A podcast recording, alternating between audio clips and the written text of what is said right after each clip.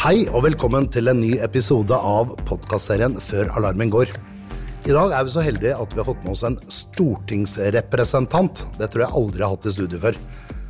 Du, Ingunn, hvem er du? Ja, mitt navn er, som du sa, Ingunn Foss. Jeg kommer fra Agder, en kommune som heter Lyngdal. Jeg sitter på Stortinget, i, der jeg sitter nå i eh, ti år. Og før det så var jeg ordfører i Lyngdal kommune i eh, seks år. Det er en dame med litt erfaring, med andre ord? Ja, det, det, er jo, det begynner jo å bli noen år. Det er jo snart 20 år, så er Fantastisk å ha vært med i styre og stell så lenge. Hvordan er forskjellen å være ordfører versus sitte på tinget? Ja, det er ganske stor forskjell. Ja. Det er det virkelig. Altså Når du er ordfører, så er du på toppen av den politiske pyramiden, og du er liksom den som har full oversikt, og den som stadig er i media med alt som tenkes kan. Den som bestemmer? ja, den, ja, eller du har i hvert fall oversikt over, over det meste. Eh, når du kommer på nasjonalt nivå, så er du mer en eh, brikke i et veldig veldig stort eh, spill. Og, eller ikke spill, men det er et veldig stort system. Og det er veldig annerledes enn det på lokalt nivå. Eh, så, så det, jeg tror det er ganske vanskelig å tenke seg hvordan en sånn eh, jobb er nasjonalt. Fordi at eh, det er liksom mange kompliserte systemer, det er en spesiell måte å jobbe på. Det er veldig annerledes hvis du er i posisjon enn når du er i opposisjon, og mange sånne ting som, som er veldig annerledes enn på lokalt nivå. Det er ikke en skole å gå for å komme dit, det må erfares? Ja, det vil jeg absolutt si. Ja. Det, det kan det, jeg tror ikke det er noen lærebok for å bli stortingsrepresentant. Det tror jeg ikke. Det må erfares. Fantastisk. Du, vi møttes jo på Arendalsuka. Jeg fikk en sånn eh, crush på scenen for deg. Eh, vi sto i samme paneldebatt. Og vi har jo stått på barrikadene og slått med kumlokk og ropt i mange år. og prøve å få litt attention hos politikere, vi fra den kommersielle IT-sikkerhetsbransjen. Og for første gang så opplevde jeg plutselig at det var noen som forsto hva vi pratet om. Uh, og jeg ble jo så glad. Det, jeg ble så glad, så glad, så glad. Og jeg er så glad for at du stiller opp her i dag også. Men um, det, det, det, store bildet rundt dette her, vi, vi, kommer litt tilbake til det, men det starter jo med et offentlig-privat samarbeid. Det er gjerne der de fleste appellerer til et offentlig-privat samarbeid. Og så har mange lagt fra seg ballen litt der. For er, alle roper om det samme, for det er populært og det er kult, og alle vet at dette er det som skal til. Men så forsto du oss på en måte. Det var det jeg opplevde. Hvilken tilnærming tenker du rundt Det er et stort, stort spørsmål, jeg klarer det, men hvis vi begynner å dele opp elefanten litt, så handler det om litt økonomi, det handler om bidrag, det handler om alle disse forskjellige sektorene. Det er, det er mange ting. Hvordan har du lyst til å begynne å nøste dette her? Ja, For det første så kan jeg jo gå tilbake igjen til debatten i Arendal. Det var jo en veldig sånn øyeåpner eh, for min del òg, i forhold til at det var et eh, ganske uvanlig budskap mm. på en sånn eh, debatt. For for meg som Høyre-menneske så er jo det helt åpenbart at både kompetansen og det å utnytte konkurranseelementet i dette med privat og offentlig samarbeid er kjempeviktig. Det er jo driveren? Ja, altså det er jo sånt som jeg har vært opptatt av så lenge jeg har vært politiker, at vi må tenke både forvaltning av våre felles uh, midler på best mulig måte, mm. og så må vi in inkludere næringslivet, fordi at uh, de er ofte et hestehode foran offentlig virksomhet, fordi at uh, de skal tjene penger. De har ikke tid til å gjøre en dårlig jobb. Da er, de, da er de borte i neste sving. Ja, Det er akkurat der vi er så enige, for den, vi lever etter Darwins lov. Hvis ikke vi er relevante, kan det vi driver med, levere med tillit og er til stede, mm. så er vi faktisk ute. Mm. Og det var mm. der vi fikk ja. den nerven. Det var der jeg kjente kjærlighet. det, det, var så bra. Det var så bra. Du, og det er jo den tilnærmingen du, dere også går litt for i forhold til å bruke markedskreftene. Ja, absolutt. Altså, som jeg sa, så, så, tenker jeg jo at konkurranseelementet i dette gjør at uh, begge parter blir bedre. Mm. Altså, du må innovere, du må stadig være teste hodet foran for ja. å være relevant, som du sa. Mm. Og det driver jo liksom begge parter til å hele tida utnytte ressursene på best mulig måte. Så det er jo det det er snakk om. Og i denne sammenhengen i forhold til beredskap, så er det jo uh, nå er det alvor, som den store utredninga ja. til Totalforsvarskommisjonen har, uh, fått uh, som navn. Og uh, det at en nå begynner å snakke om dette på en helt annen måte, det er jo fordi at den geopolitiske situasjonen og tida vi lever i, krever det, mm. rett og slett. Og det ser snart alle, selv om ja. kompetansen på sikkerhetsutfordringer må opp uh, i befolkningen, så ser jo alle at uh, det er krig i våre nærområder. Uh, vi ser cybertrusler og får meldinger stadig vekk fra mm. både bank og alt mulig, og mm. banker og greier om at vi må være forsiktige og ikke åpne lenker og alt dette her.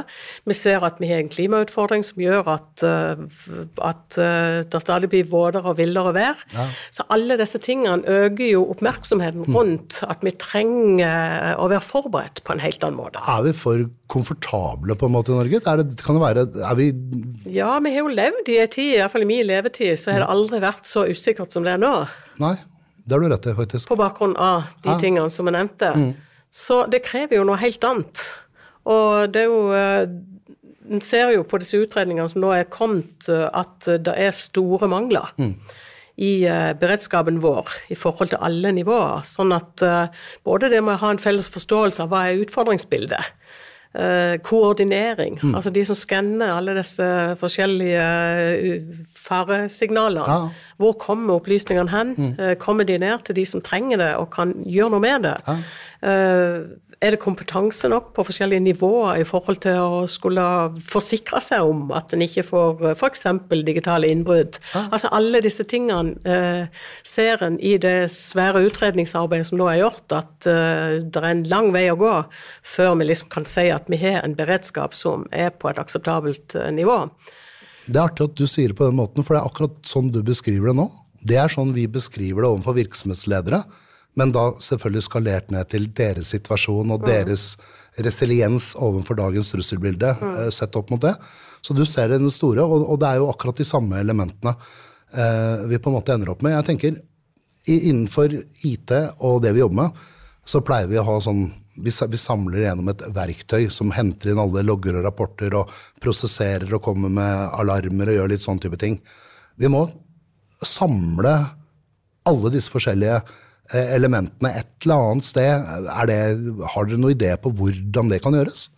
Ja, altså litt tilbake igjen til debatten i Arendal, mm. så sa vel du eller en annen som var med i det panelet der om at dette har vi løsninger på. Ja, det finnes Og da kjente jo jeg liksom ja. liksom, å ja, det er jo kjempebra. Ja, Det koster penger, da. Her er næringslivet. Ja. de, de, vet hva det er snakk om, og de har løsninger. Mm. Så, eh, så, jeg tenker jo at eh, det viktigste nå, det er jo å erkjenne at vi har noen utfordringer mm. som vi må stå felles om å løse. Mm.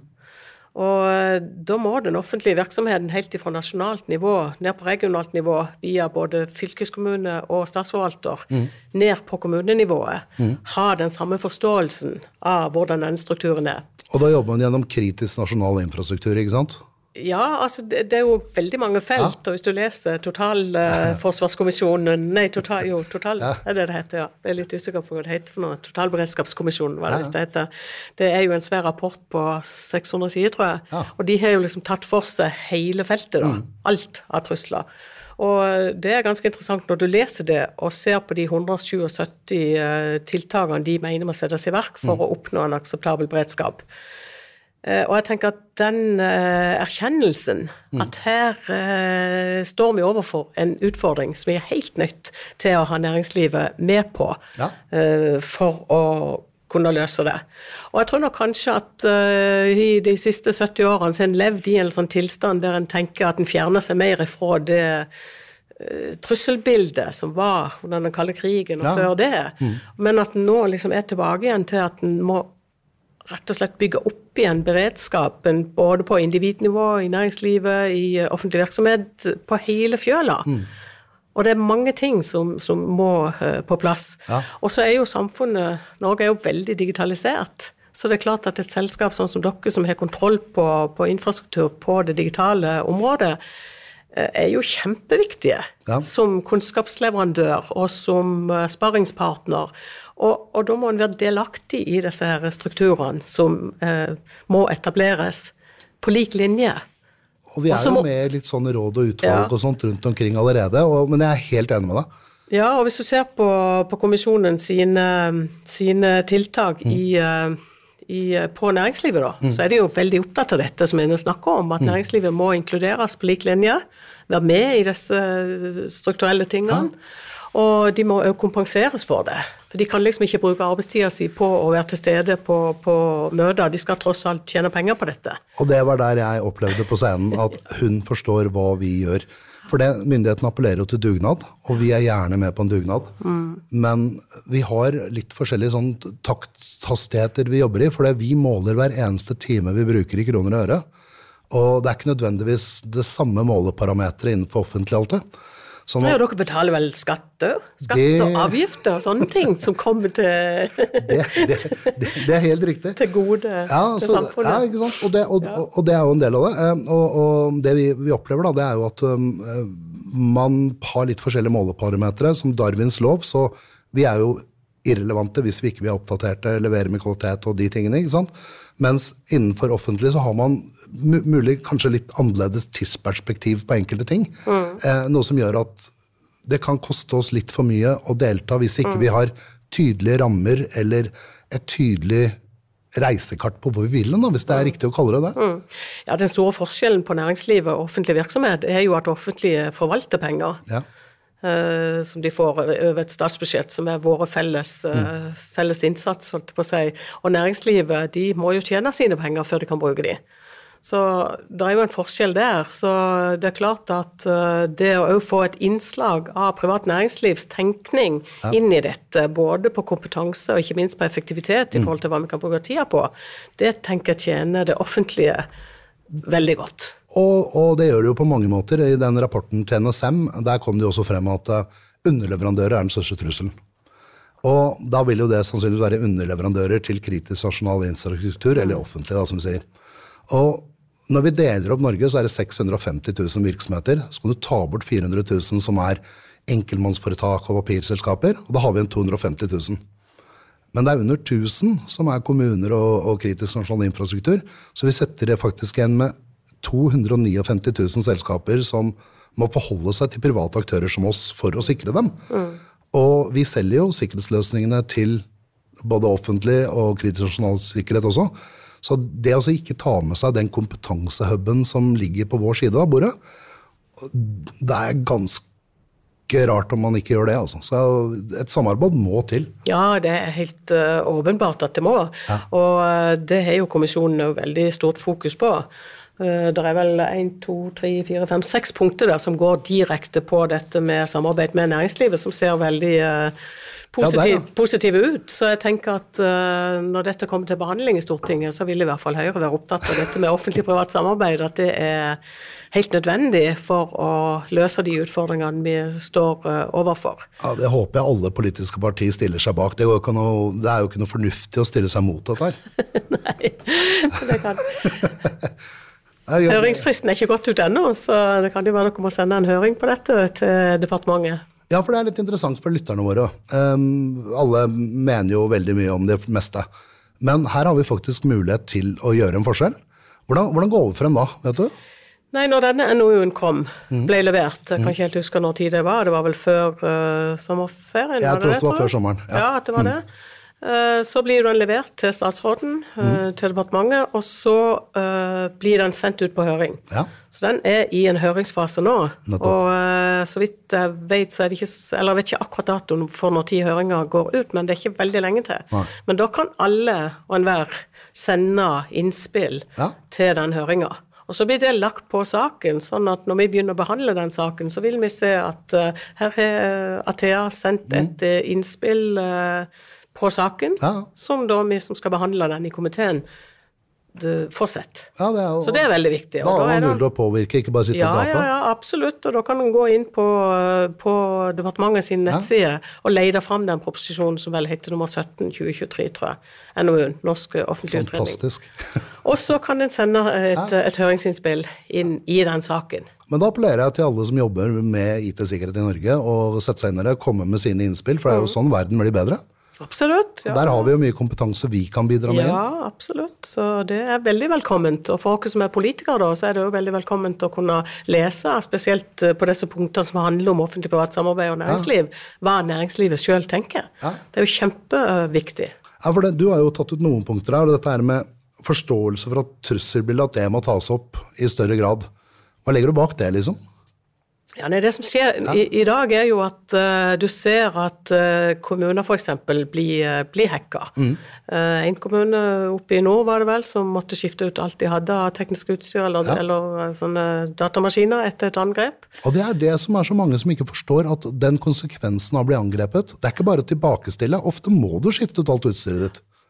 Er, følte ja. du på det som ordfører, forresten? Ja, altså eh, Nå var jo ikke akkurat den geopolitiske situasjonen sånn Hva? når jeg var ordfører, det er jo det ti år siden, eh, enn det er i dag. Ja, jo, det, det er enig men, ja, men... Så, så, det som vi snakka litt om tidligere, var jo dette ja. med at sikkerhetssituasjonen har jo blitt et helt annet. Ja. Sånn at uh, hver Jeg tror hvermannsen og kommunene blir jo mye mer oppmerksom på at beredskapen vår er for dårlig.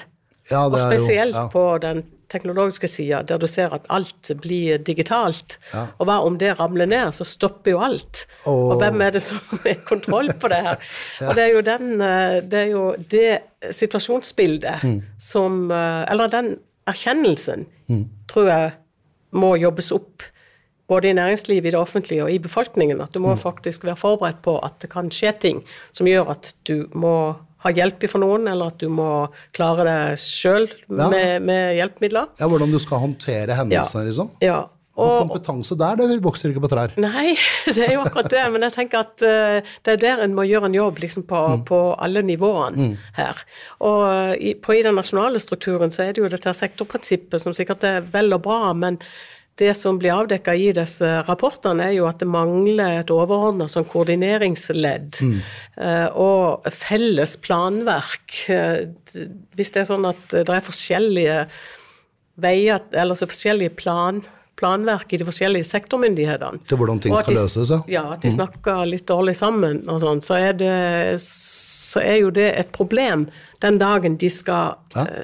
Samordnes. Det er vel litt det man prøver å få til gjennom NIS2, kanskje? Ja, ja. Noe, noe, i det som eh, Der har jo Europa vel vært uh, kanskje Jeg syns i hvert fall den der NIS 1 og 2 mm. var regelverk som ja. var veldig fornuftig i forhold til å få bedre kontroll ja. på, på, på, beredskapen. Men NIS, 16, NIS, NIS 1, da, hvis vi bare tar det, det kom vel i 2016 eller noe sånt. Mm. Eh, men Norge har vel ikke helt godt implementert det ennå? Nei, altså det, det går jo veldig seint. Ja. Uh, og, og, det har vel kanskje sammenheng med at den trusselen på en måte ikke blitt sett på som så ja. alvorlig ja. som etter invasjonen av Ukraina. Det var jo først da liksom at det begynte virkelig å materialisere seg på en måte at en ser at her må en liksom ta fatt i beredskapsarbeidet på en helt annen måte enn det som har vært nødvendig de siste 70 årene. Tror, tror du det at vi er utenfor EU har noe å si i sånt, arbeid? Ja, det tror jeg absolutt. Ja. Det, det, tror jeg absolutt. Det er klart Hvis du er med i de forskjellige prosessene ja. som på en måte jobber ut dette, så får du en helt annen innsikt i det. Ikke sant, Og kan begynne og, tidligere å være ja. med og starte og ja, begynne å løpe. ikke sant? Ja, ja, ja, absolutt. Så, så, det skulle jo virkelig ønske at den var en del av. Ikke sant? Og en ser jo at uh, spesielt under pandemien, hvis ikke en har hatt så god relasjon til Sverige, så hadde en jo f.eks. ikke fått uh, denne vaksinen så fort som, som en fikk det. Uh, og, og, det er klart at sikkerhetsmessig, mm. lille landet Norge, med mm. uforutsigbarhet rundt seg, ja. er jo helt avhengig av Og vi er et yndet mål for alle angripere. Men, vi har ja. olje, vi har teknologi, vi har fisk. Ja. Vi har, vi har mye sant? folk er interessert i. Ja, ja. Og vi er jo helt avhengig av Nato og EU og, og og samarbeide der. Og da er det jo dumt å få reglene etterpå. ja, det er jo Ikke være med på å forme det. ja, ja, ja. Sånn ja, nei, absolutt. Jeg skulle jo virkelig ønske at en var med i det samarbeidet der eh, fullt og helt, og ikke bare sånn som nå. Mm. Det som skjer, er jo at Norge implementerer jo det meste av de rettsaktene som kommer, sånn at uh, en betaler liksom prisen, men får ikke sitte med bordet og bestemme. Så det er jo kanskje en sånn paradoks. Som, ja, ikke sant? Som, uh, som, er litt rart. Men, uh, men uh, sånn er det nå. Men Jeg syns jo landet blir manøvrert godt, selv om vi på en måte står litt utenfor. Men det er jo disse tingene her vi merker at vi ikke er en del av EU, da. Ja, ja. altså vi er jo en god venn av EU, ja. og det, det, vet vel Europa òg, at, eh, at, Norge er en, en god alliert. Mm. Selv om ikke vi er fullstendig medlem. Vi har jo denne samarbeidsavtalen, EØS-avtalen, som ja. gir oss de samme rettigheter og plikter som et, eh, som et eh, medlemskap. Mm. Uh, uten at vi får være med og bestemme. ok, Så vi, vi, skal være med og, og ja. vi skal være med og gjøre og rydde opp og fikse og styre, men vi kan ikke planlegge festen? Nei. ja, det er jo litt sånn. Det er jo litt sånn. Men, eh, men uh, inntil videre så må vi i hvert fall være veldig glad for at vi har EØS-avtalen, ja. og at de frihetene som vi har der i forhold til samarbeidet med EU, kan bestå. Mm. Så, mm. Men, men dette her med, med hacking og IT-sikkerhet og cybercrime og alt dette her, er det noe som man er opptatt av som politiker? Ja, absolutt. Hæ? Det blir ja, pratet om på, på tinget, liksom. Jeg kaller det tinget. Jeg kjenner at Oi. ja. det er det absolutt. Og, og det er jo sikkerhetstiltak uh, som har blitt veldig skjerpa de siste årene, fordi mm. at uh, det har jo skjedd hacking. Ja, dere har jo hatt litt uflaks et par ganger. Ja e-postkontoer og mm. diverse. Så, så, dere har fått opplæring og bevissthet? Ja, ja, ja, og det går sånne kurs, det er sånne forskjellige leksjoner som blir, som blir, gjennomført, og det er vel en måned som er sikkerhetsmåned, tror jeg. oktober er sikkerhetsmåneden? Oktober er sikkerhetsmåneden, ja. Så det er nok, og da er det sånn jevne drypp med mm. ting som en må som en må gå igjennom for, ja. å, for å, gjøre ting bedre. Så, du, sånn. så, så, hvis jeg kan spørre på en annen måte, altså, du opplever at det at Stortinget har blitt kompromittert et par ganger, førte til økt bevissthet? At man setter inn noen tiltak, liksom? Ja, ja. absolutt. Og det er akkurat det samme som skjer i næringslivet. Ja. når store selskaper blir kompromittert, da våkner ledelsen, mm. og så starter man noen sånne awareness-programmer. Mm. Mm. Ingen virksomhet er bedre offentlig eller privat enn brukerne. ikke sant? Det er jo første linje mot hackerne. Ja, ja, ja. Så det, det, går jo opp for uh, alle og enhver ja. at her må vi være bedre sikra. Ja. Og, uh, og, det er jo dette med at uh, innbruddene som skjer digitalt, det skjer jo stille og fredelig. Ja. Det ikke, knuser ikke vinduet og kommer inn, men de kommer likevel inn i noe ja, er, som er for dårlig. Ja. Og det er jo ganske sånn abstrakt for folk flest. Du lurer på liksom, ja, hva er det egentlig de bryter seg inn i her, og hvordan kan jeg liksom skjerme meg? Du vet jo liksom på huset ditt at du setter opp alarm, og du setter opp port og gjerde og alt det der å, tenke seg hva det er digitalt, det er ikke så lett for, for folk. Nei, altså, så det er klart, Da trenger vi jo sånne eksperter som, som dere som, som, kan dette. Ja, men altså, det er jo, Hele den bransjen jeg representerer, jobber jo med, ja. med dette her. ja, det, det, var jo derfor jeg ble, jeg ble, så glad på Arendalsuka. det var noen som sa at dette kan vi løse. Dette kan vi løse. Men, men da er vi tilbake til det at det, det koster penger, da. Og det det er jo en av de tingene som jeg pleier alltid å si jeg jobber med salg, og det har jeg gjort siden jeg begynte i den bransjen for 20 år siden. Ehm, jeg er utdannet tekniker, forstår litt teknologi, men, men, det er jo det å promotere og forklare folk behovet for IT-sikkerhet. Og veldig ofte så er det jo virksomheter, både offentlige og private, som blir kompromittert, og så begynner de å investere i IT-sikkerhet. Det blir litt som å prøve å kjøpe forsikring etter at du har krasja bilen din. Men det koster jo penger å få dette her på plass. Har man tenkt på noen sånne støtteordninger, et eller annet? altså Enøktiltak for sikkerhet? altså mm, mm. Du, det, liksom, det, kommer jo noen penger inn gjennom Datatilsynets bøter. altså Det er masse sånn forskjellig. Jeg aner ikke hvor mm. pengene kommer inn, hvor de blir av, om det er en sektor og en annen sektor. Jeg har ingen idé. Jeg bare kaster opp fordi jeg er enkel, enkel mann, en mann fra Frogner. Det, hvordan det henger sammen. Men, men, men sånne tiltak, er det noe man ser på, for å ikke virksomhetsledere skal komme og si at vet du hva, dette har vi ikke råd til. Mm, mm. Ja, det er det jo. Hvis du ser på det store arbeidet som nå er gjort, mm. Eh, både med Forsvarskommisjonen og Totalberedskapskommisjonen, så er det eh, mange, mange tiltak mm. som helt klart vil uh, koste penger. Ja. Men uh, spørsmålet vil vel heller bli har du råd til å la det være? Ja, ikke sant? Ja. Ja. Og det stilles jo stadig vekk, både med tanke på Forsvaret og òg sivil sektor. Så uh, det er jo klart at konsekvensene av at ting som skjer, ja. blir jo åpenbart for, mm. for, for, de fleste, når du ser hva, hva, det koster og hva det fører til. Mm.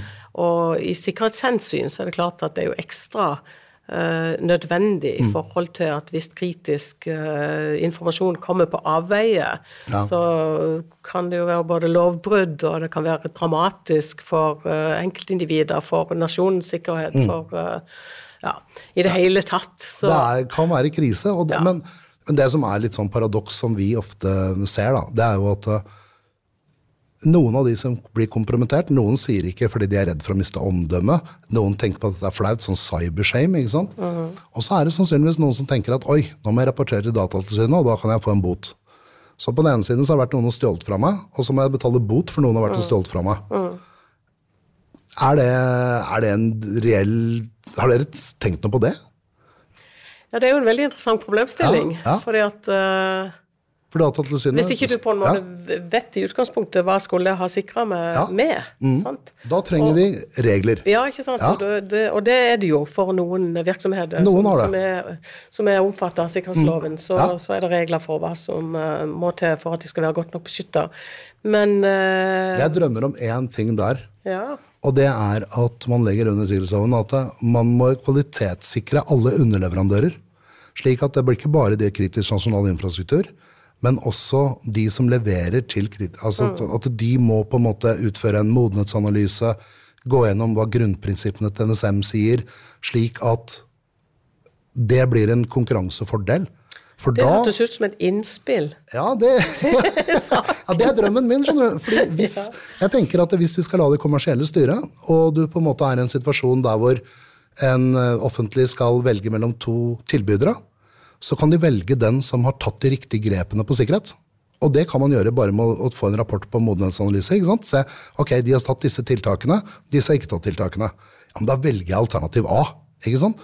Da vil det kommersielle faktisk være en driver, for hvis du ikke ønsker å bli et sikkert selskap, så har du faktisk kroken på døren. Mm. Det er litt den veien vi ja, håper, da. Og det tenker jeg er et ganske viktig innspill. For mm. jeg tror nok det er mange som sitter der ute i små, små virksomheter, små og mellomstore virksomheter mm. og kommuner som ikke har den kompetansen de trenger ja. i forhold til innkjøp. Ja. Men da det bli og det husker jeg jo tilbake til min tid i, i, i, det offentlige, at en var jo mer eller mindre prisgitt mm. den selgeren som var best til å selge. For en hadde ikke innsikt i ja, hva, hva, hva er det egentlig de uh, selger meg her. Ja? Jeg vil bare liksom ja. ha dette til å fungere, og lære meg det. Det er jo masse læring oppi det. ikke sant? At du må lære deg nye systemer og alt det der. Og den dagen det stopper, så vil jeg bare ha tak i det igjen for å få det til å virke. ja, det, det, var en av de tingene jeg lærte. Så det var jo litt sånn. Og så hever sikkert kompetansen, ja. eller at virksomheter har mer IT-kompetanse fordi at det meste blir, blir Bestillerkompetansen har blitt ja, generelt bedre, ja, ikke sant, ja, det vil jeg tro. Det vil jeg tro. Men ennå så er det nok et stykke å gå der i forhold til, til å ha kompetanse som innkjøper. Det er et godt innspill. Det tror jeg du må, det må du spille inn til, det til saken. Det skal jeg faktisk gjøre. Og så så vi jo det at um, uh, disse her KINS-samlingen, uh, ikke sant de har jo brukt den der, uh, innkjøpsordningen til Bærum kommune bl.a. i forhold til at der går det an å kjøpe inn i riktig forhold til. Så det er noen verktøy som ligger, noen perleverktøy som ligger der ute, men kanskje ikke for alle. Jeg vet ikke de, hvordan det blir promotert rundt. Nei, og det er jo litt uh, et nytt poeng. Mm.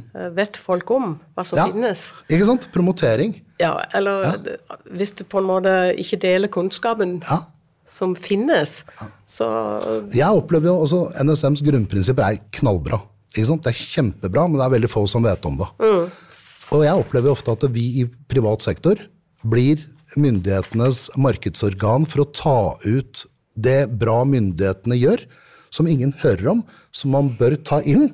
Altså, vi bruker det som salgsargumenter for å få lytte, altså daglig leder til å lytte til hvorfor bør du gjøre dette her. Derfor lærer vi oss lover og regler for å kunne mm. argumentere for hvorfor du må gjøre ting. Mm. Så vi blir jo på en måte lovens lange arm når det gjelder å ta det ut. ikke sant? Det er også et samarbeid. Det blir liksom som en sånn liten statsforvalter. som skal liten... sørge for at lover og regler blir ja, uh, implementert og etterlevd ja, i uh, kommunene. Ja. og da gjør vi et samfunnsansvar samtidig som vi tjener penger på det, selvfølgelig. Mm. Men jo mer relevant, jo flinkere du er, jo ikke sant? Det henger sammen, dette. Ja, ja. Det gjør det absolutt. Du er bare så innmari glad for at jeg møtte deg. Jeg håper vi får mange, mange samtaler rundt dette her eh, til. Men du, eh, ja, du vi, vi, nærmer oss litt eh, slutten her. Um, og da, da, da, pleier vi alltid å stille eh, lytterne våre, eller ikke lytterne, de som kommer på besøk, et par sånne spørsmål. Og jeg begynner med det første. Hva er ditt beste sikkerhetstips? Og da kan du, da kan du velge hva du måtte ønske. Men bruke tiden fornuftig ja. ja. det som faller meg, faller meg mest naturlig nå, ja. Ut ifra det vi snakker om, da, ja. det er jo dette at det beste sikkerhetstipset for eh, nasjonale myndigheter, mm. det er å gå i uh, et samarbeid med det private. Mm. Fordi, som vi har snakka om, det at de ofte ligger et hestehode foran. Mm. De må tjene sine penger, og da må de være best. Og det vil det offentlige eh, har nytte av. Ja, så det må, det må være ja. det beste sikkerhetstipset jeg kan ha i denne sammenheng. Fantastisk. Så jeg kunne jo valgt noe annet om at sjekk hvor eh, nødutgangen er. Ja, ja, ja. Det er sikkert litt andre sånn, ja. Og så har jeg et som er veldig privat, da. Og det er Hva er den kuleste smarts-devicen du har? Eller smart, kuleste Ja. Smart device. Smart. Det er veldig lett å si smarttelefon, da. for Hvis ikke jeg hadde hatt den, så hadde jeg jo ikke eh, overlevd. Ja. Men ellers så syns jeg det er veldig gøy med den der, eh, med den der um, flightradaren. Flightradar, ja. Ja, for der sitter vi på flyplasser og lurer på så er noen som sier lurer på hva det der flyet. Sånn, og så skal du bare klikke på den flyet. Nei, det er over Lillesand der. Det kommer snart. Lander om fire minutter. det Det er er et innmari godt tips også. Ja, for oss som reiser mye. Det er ingen tvil om. Nei, det er, det er kult. Du er mye på flyplasser, med andre ord. Ja, jeg reiser jo som regel eh, til Sørlandet hver, hver helg. Ja. Må det. Ja, Hjem til familien. Hjem til familien, ja. Ja, det er Oslo-gryta. Ned til Sørlandet. Det er sikkert deilig. Ja. Du, utrolig hyggelig å ha deg i studio. Jeg heier på deg og alle disse her eh, Stem i den riktige retningen på alt som kommer. Og trenger du noe fra oss i privat sektor, så skal vi virkelig prøve så godt vi kan å følge opp, altså. Det setter jeg pris på, og eh, tusen takk for at jeg fikk lov til å delta. Kom gjerne igjen. Takk. Og til lytterne der ute, stay tuned. Det kommer snart en ny episode av Før alarmen går. Vi høres.